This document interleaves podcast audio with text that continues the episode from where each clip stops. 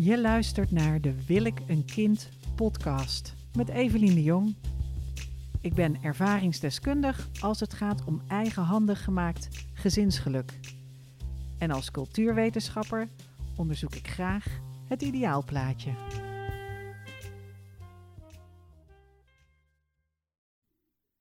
Een van de meest verschrikkelijke dingen aan twijfelen over je kinderwens is angst voor spijt.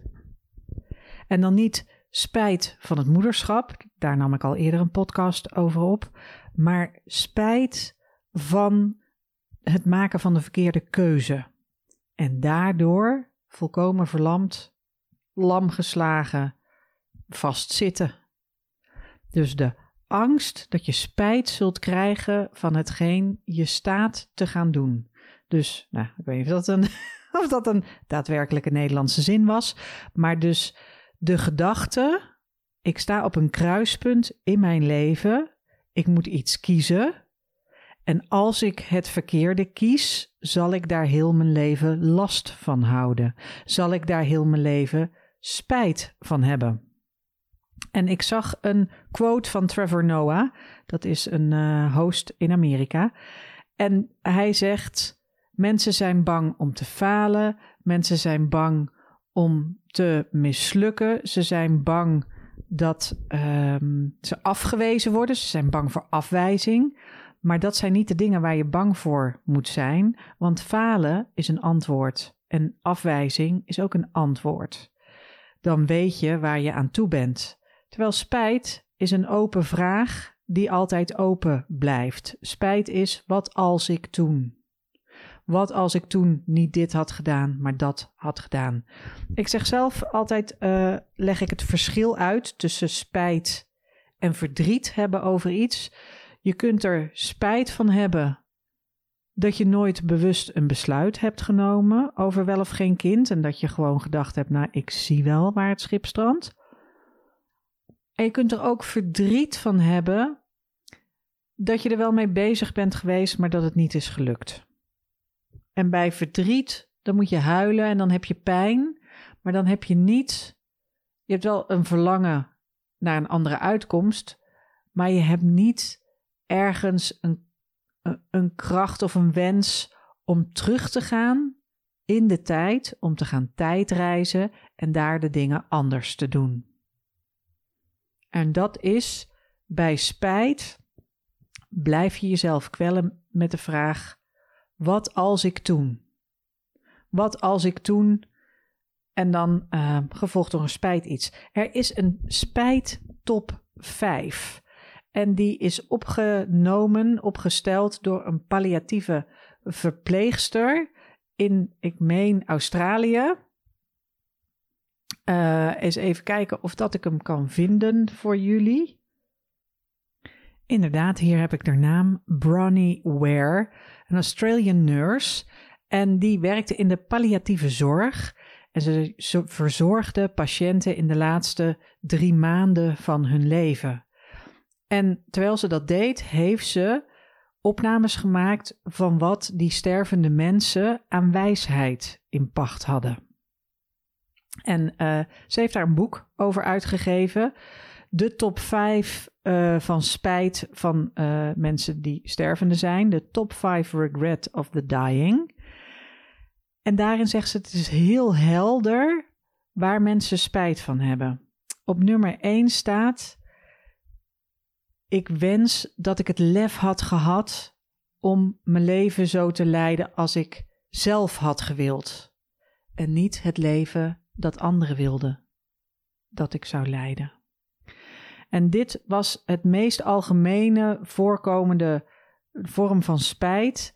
Als mensen terugkijken op hun leven en dan ineens in alle helderheid zien: Oh, al deze afslagen heb ik gemist, al deze dromen zijn niet uitgekomen, ben ik niet eens aan begonnen, omdat andere mensen iets anders van me verwachten, iets anders van me verlangden, omdat ik dacht dat andere mensen iets van me verwachten of verlangden. Want soms denk je dat ze iets van je verwachten of verlangen, maar willen ze gewoon dat jij gelukkig bent.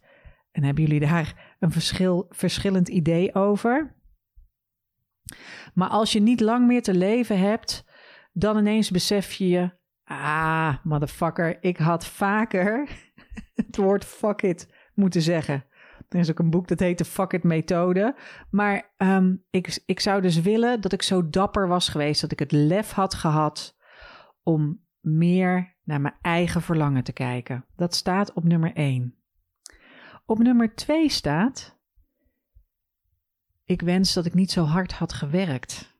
Ik wens dat ik minder aandacht had gehad voor mijn carrière. En dit zijn voornamelijk mannen die dit zeggen. Mannen die zeggen: Ik heb de jeugd van mijn kinderen gemist, ik heb mijn partner verwaarloosd. En vrouwen hadden het ook wel over deze vorm van spijt. Maar ze hebben minder vaak een fulltime job gehad. Ehm, en vrijwel alle mannen die fulltime, voltijd gewerkt hebben, fulltime, voltijd gewerkt hebben, zeggen: Ik wens dat ik niet zo hard had gewerkt. Uiteindelijk lijkt die carrière, hij slokt je op, hij uh, knabbelt allemaal stukjes, gaten in je agenda van dingen die je ook had kunnen doen. En achteraf hebben ze daar spijt van. En waar hebben ze nog meer spijt van? Dus je leven volgens je eigen verlangen, leven, niet leven voor je werk. En dan op nummer drie, ik wens dat ik het lef had gehad om een gevoel te uiten. En dat is iets dat speelt zeker ook bij een onvervulde kinderwens. Ik spreek zo vaak vrouwen die ergens wel weten dat die wens speelt, maar niet over die gevoelens praten, niet over die angsten praten, omdat ze bang zijn dat het mislukt. En omdat ze bang zijn dat ze afgewezen worden. En als dat zo is, is het intens verdrietig. En is het zo zuur en zo pijnlijk. Het is zo pijnlijk. En dat weet ik, want ik ben. Het is mislukt, herhaaldelijk bij mij. En ik ben afgewezen. Ik maak er altijd een grapje over, omdat dat mijn stiel is. Maar het heeft me, ik heb echt wel een knauw opgelopen toen ik vroeg aan die man waar ik al tien jaar minnares van was. Toen ik aan hem vroeg: Wil je mij een kind geven? En hij zei: Het zou een geil kind zijn. Nou, dat is niet wat je wil horen. En daarna zei hij: Ja, dat vindt mijn vriendin niet leuk. Dus nee, het antwoord is nee. Ik zie jou niet als de moeder van mijn kinderen. En ik had wel die droom en wel die wens. En het, ik heb zo, nou, ik heb er tien jaar over gedaan om de moed te verzamelen. Om dat gevoel überhaupt bij mezelf, ook als je er niet over praat, over die gevoelens, die pijnlijke gevoelens en de rotgevoelens en de twijfelgevoelens en de angsten. Als je er niet over praat, dan soms vergeet je zelf dat je ze hebt. Nee hoor, ik ben hartstikke blij. Ik ben nou eenmaal een spannende vrouw. En ik hou niet van Finex-locaties. En ik moet er niet aan denken om te trouwen in een witte jurk. Wit staat me niet. Ik heb helemaal niet de behoefte aan uh, huisje, boompje, beestje en suf samen op de bank zitten. Ik wil dat die, die Don Juan mij een kind geeft. Ik wil avonturier zijn en uh, moeder worden. En ik, en ik wil dat, ik wil alles. Maar door niet over die gevoelens te praten, behalve als het dan allemaal veel te erg was. En als ik toen ik 36 was, werd en alleen maar kon huilen over mijn verjaardag. Ja, toen uiteindelijk werd ik toen langzamerhand dapper genoeg om te erkennen dat ik die onbevredigde verlangens had, dat ik die gevoelens had en dat ik daar eigenlijk heel kwetsbaar in was en dat het heel pijnlijk was om te zien dat ik met lege handen stond. Dat is dus top 3 in de deathbed top 5 van regrets. Op 1 was het, ik wist, ik, ik zou willen dat ik meer um, getrouw aan mijn eigen verlangens was gebleven in de plaats van wat andere mensen van me verlangen of verwachten. Dus trouw zijn aan mezelf, niet zo hard werken en dapper genoeg zijn om me ongemakkelijke gevoelens te bespreken. Ook als dat betekent dat, er, dat de relatie misschien mislukt. Ook als dat betekent dat je kinderwens misschien faalt. Um, ook juist dan toch die gevoelens bespreekbaar maken.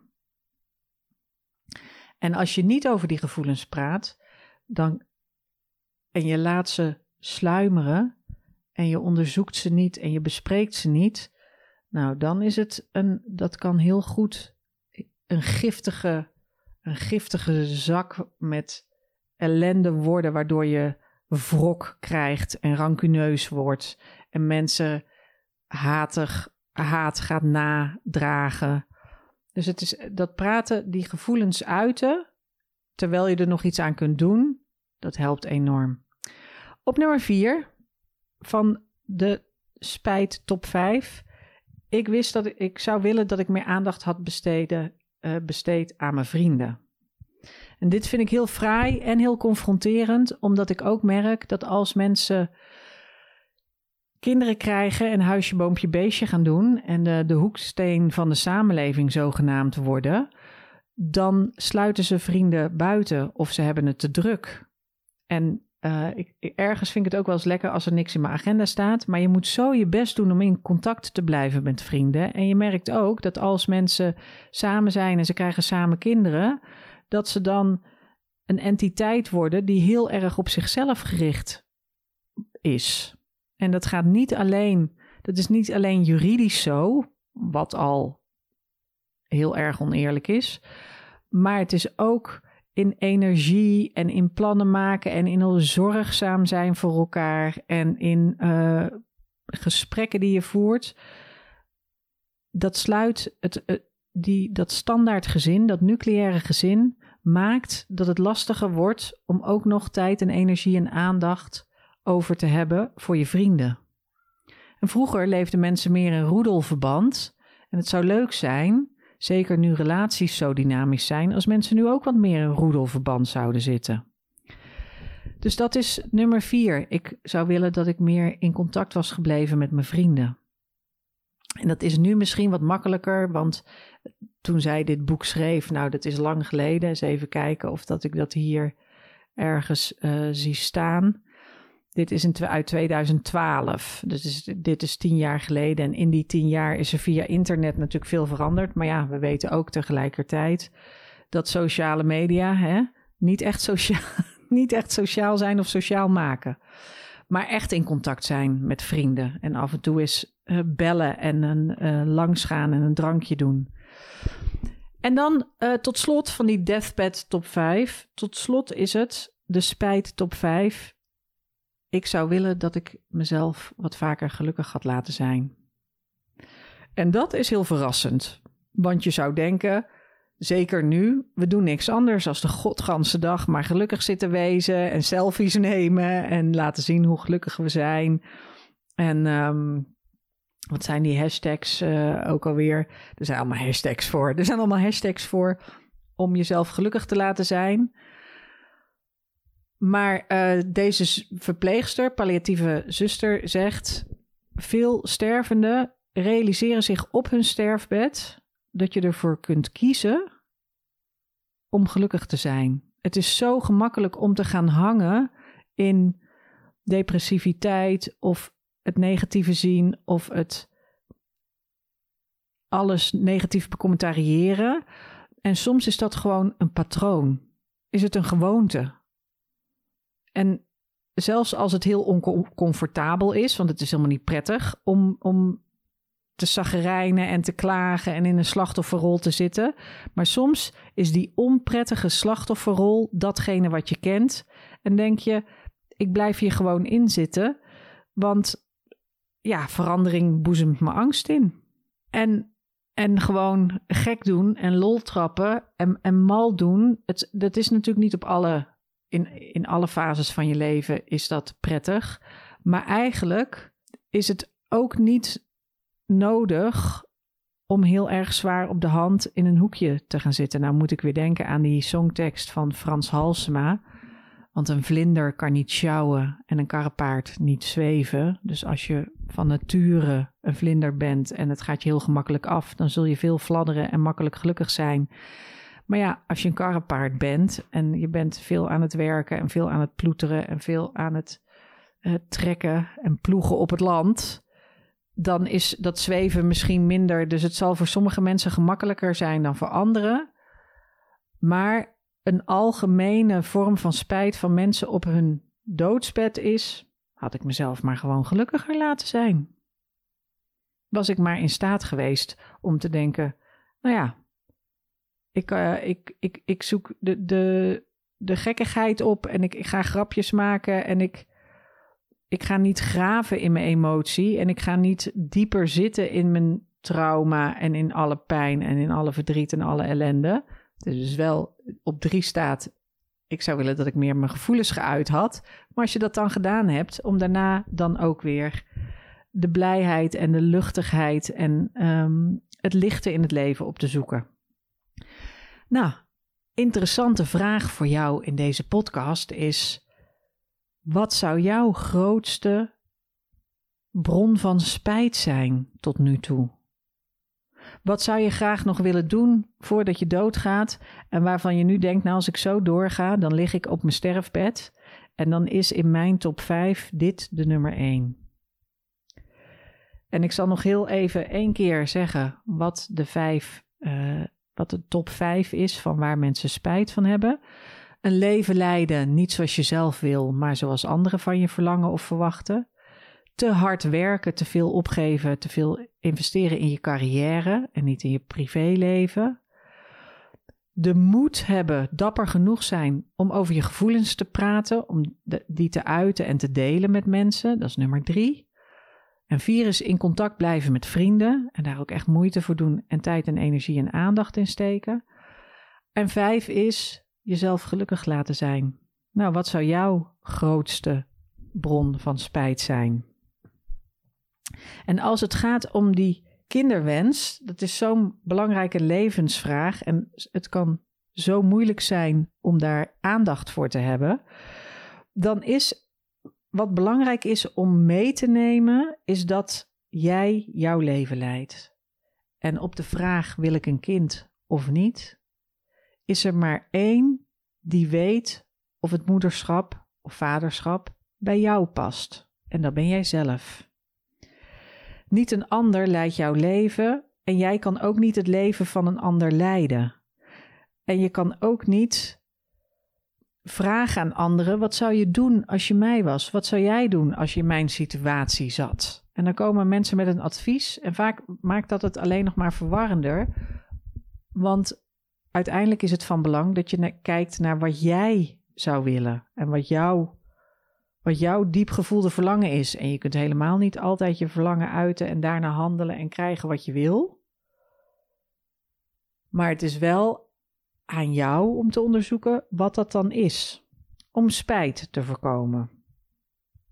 En zou je met die, zit je met die kinderwens en zit je daardoor vast? Weet je daardoor niet of dat je nou moet gaan daten voor die kinderwens? Of dat je in deze prille relatie moet blijven zitten en daar energie in moet steken? Of dat je een nieuwe geliefde moet gaan zoeken omdat deze partner er niet hetzelfde in staat als jij. En het kan dus ook zijn dat je wil leven zonder kind. Hè? Dat is net zo goed mogelijk als uh, heel graag moeder willen worden. Kan het ook zijn dat je zegt als vrouw heb ik die behoefte niet, ik wil dit niet. Uh, Wende Snijders schrijft hier uh, heel goed en openhartig over. Dat ze niet het verlangen heeft om een kind te krijgen. En ook niet omdat dat ten koste zou gaan van de carrière of voor de kunst of opgeven voor iets anders. Maar gewoon als mens voelt ze niet het verlangen om een kind te hebben. Punt. Ik, ik vind het zo goed van haar dat ze dat zo duidelijk en helder weet te verwoorden. En dat ze dat ook deelt, omdat er zo'n behoefte is aan aandacht voor die visie. En dat vrouwen vrij zijn om dat te mogen voelen en denken. En jij bent dus vrij om te kiezen. Je mag kiezen.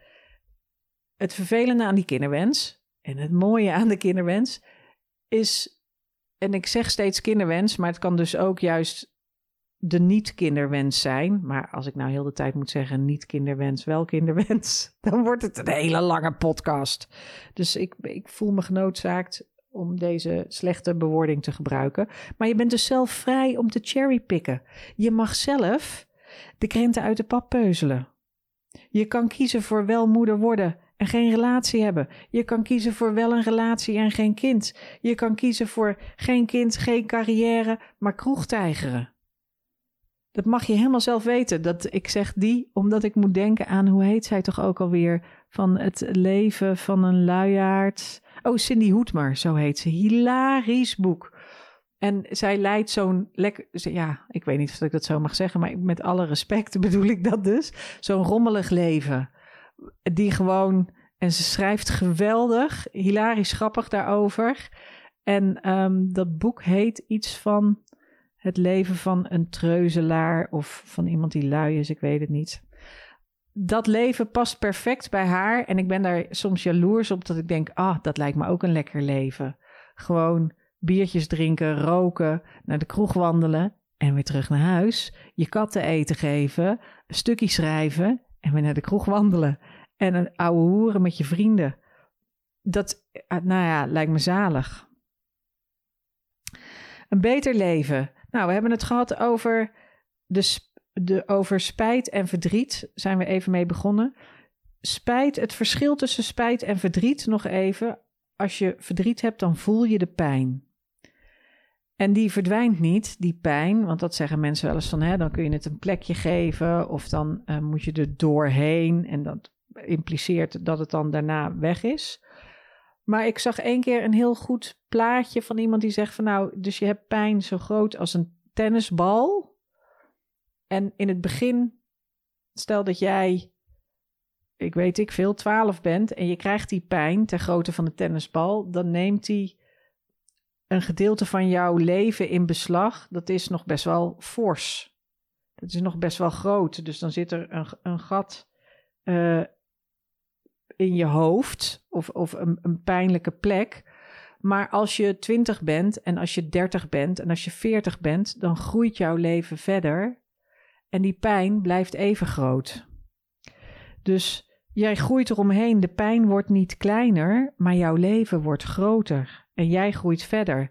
En dat, onder, dat, dat, dat litteken, dat verdriet, dat wordt een onderdeel van je leven. Dat is een van de dingen die verdrietig is in je leven. Maar jouw leven eromheen gaat door. En er zullen misschien momenten zijn dat je, dat je niet in dat verdriet zit. Dat is het verdriet en dat is de pijn voelen en daar ook over praten en dat delen met andere mensen en dan samen verdrietig zijn en alleen maar zeggen: Goh, wat, wat onvoorstelbaar verdrietig en pijnlijk. En that's it. Je kunt niet alle verdriet oplossen. Sommige dingen mislukken. Soms word je afgewezen. En dat doet zeer. Maar daarover verdrietig zijn is niet iets. Je hebt geen spijt van verdriet. Dan was je gewoon verdrietig. En dat was het. Maar spijt, en nou komt dus het verschil. Spijt wil zeggen dat je het liefst terug zou willen naar het verleden en daar dingen veranderen. Dat kan niet. Dat is een onmogelijkheid. We kunnen niet terug in de tijd. Vaak zelfs als ze films maken over tijdreizen, dan kun je nog niet terug in de tijd en daar allemaal dingen veranderen.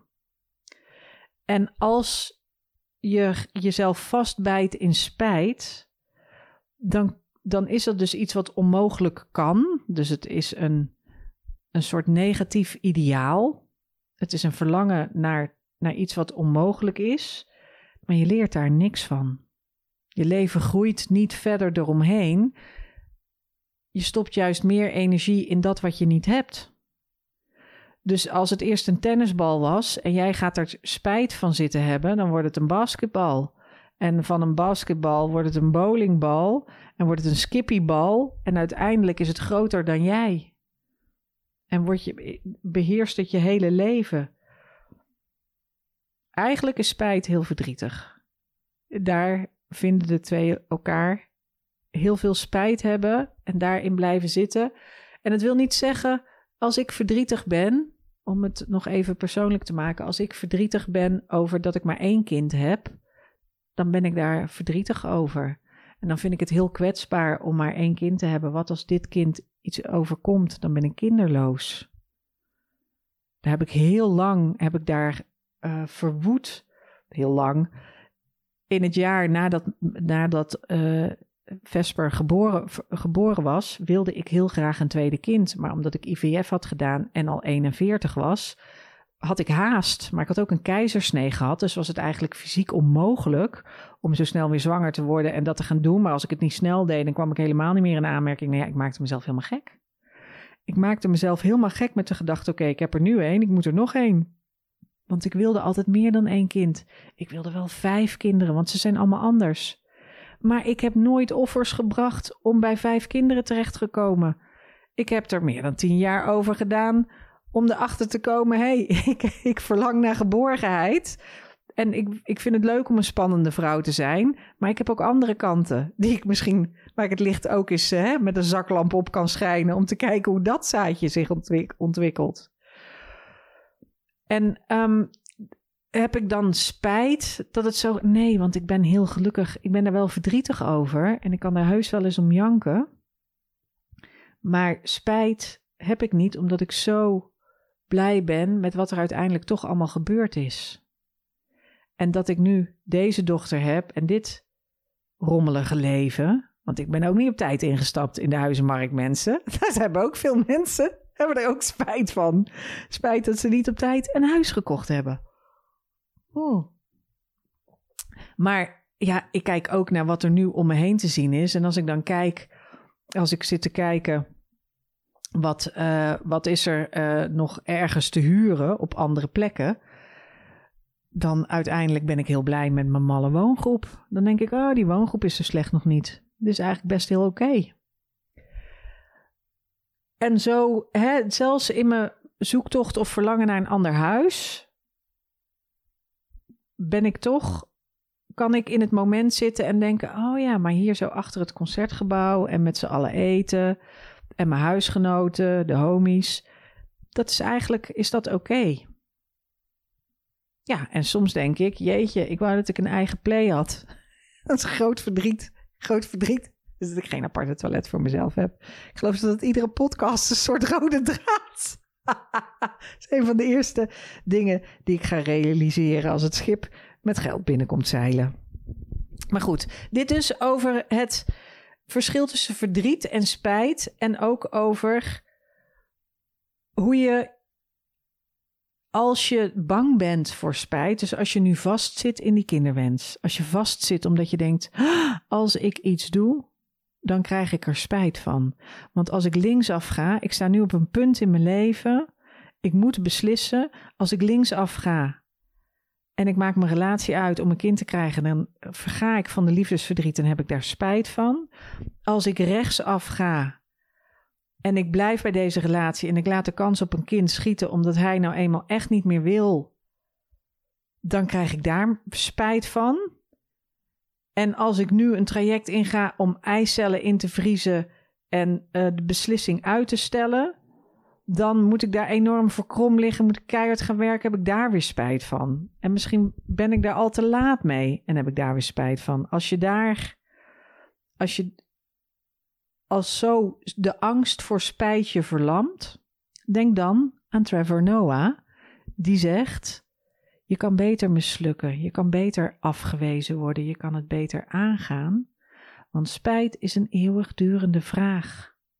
Als ik toen dit had gedaan, was mijn leven dan niet beter geweest? En uiteindelijk is, is het bedenken wat je op je sterfbed zal zeggen, waar je op je sterfbed spijt van. Kijk, als, als zo'n palliatieve verpleegster vraagt waar heb je spijt van, dan zul je toch met iets moeten komen. ik weet niet of dat ze ook wel eens mensen gesproken heeft die zeiden: hmm, nee, ik heb eigenlijk nergens, nee, kan niet iets bedenken waar ik spijt van heb. Nu ik er zo over nadenk, denk ik: waar heb ik spijt van? Weet ik ook niet.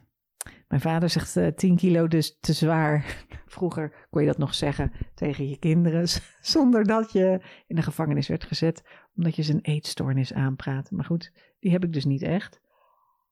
Oeh. Ik weet niet zo goed waar ik spijt van heb. Ik ben redelijk goed in het tellen van mijn zegeningen. Nou ja, ik heb wel ergens wel spijt dat ik niet in 2008 harder tegen mijn ouders gezegd hebben: koop nu iets op de Amsterdamse woningmarkt, want die gaat nog sky high. Nee, ja, ik kan dingen verzinnen. Maar eigenlijk er zijn, er zijn verdrietige dingen in mijn leven, maar echt spijt.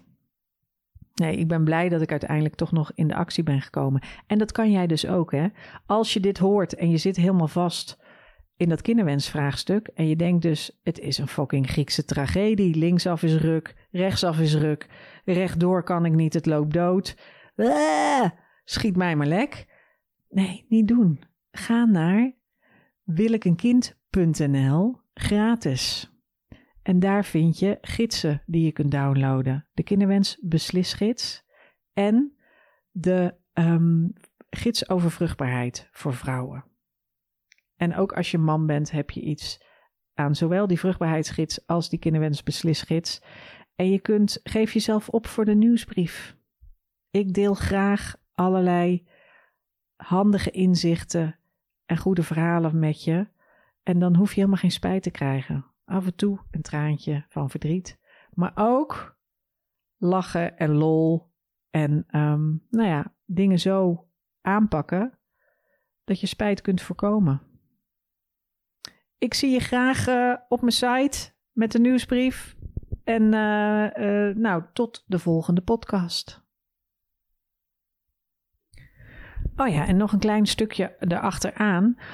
Als je vastzit in een relatie en jullie zijn het niet eens over de kinderwens, dan voelt alles wat je doet verdrietig. Je kunt je kinderwens niet zomaar opgeven voor de liefde als je een kinderwens hebt, zonder verdrietig te zijn. En in sommige gevallen ligt het verdriet op een ander vlak. Zul je de relatie moeten opgeven voor je kinderwens en zul je daar verdrietig over zijn. Maar als je in een Griekse tragedie zit en allebei de afslagen zijn volkomen ruk, besef jezelf dan dat je alleen maar naar de, naar de eerste 100 meter van het pad kijkt. Als je links afgaat en je moet het uitmaken omdat je nou eenmaal verlangt naar een kind en degene van wie jij houdt absoluut daar niet aan wil beginnen, dan is dat de eerste 100 meter ongelooflijk verdrietig. Maar een kilometer verderop, of vijf kilometer verderop, en dat is natuurlijk een metafoor voor jaren, loopt het pad door, gaat het verder en, en kom je nieuwe ervaringen tegen en, blijft je leven groeien. Dat is wel belangrijk dat je daar, dat zo'n zo'n Griekse tragedie en zo'n pad wat volkomen ruk voelt, dat je weet, oh ja, maar dat is niet het hele pad. Dat blijft niet zo. En als je bang bent voor spijt, in gedachten neem je dan die afslag, kom je daar die pijn en verdriet tegen en, en, ga je daar op een steen zitten de rest van je leven en kom je, kom je helemaal niet verder. Terwijl dat is niet waarom je dat pad opwandelt. Dan wandel je daarna nog door. En ik moet denken aan dat liedje, volgens mij van een of andere country zangeres, misschien is het wel iets te lange of iets anders. Because I can't make you love me if you don't, and you cannot make your heart feel things it won't. Zo kun je ook niet een kind wensen als je dat niet wenst. Je kunt dat verlangen niet. Je kunt geen zin maken in het ouderschap als je er geen zin in hebt. En dat geldt voor, dat, dat geldt voor ieder mens. Dat, dat, is, dat geldt voor iedere persoon. En die vraag wel of geen kind, alle antwoorden zijn juist. Of dat je het wel wil, of dat je het niet wil, of dat je het niet nu wil. Of dat, alle antwoorden zijn juist, mits jij ze zelf geeft. Mits jij degene bent die de regie heeft. En het kan dus zijn dat het goede antwoord fout voelt. Het goede antwoord kan slecht voelen.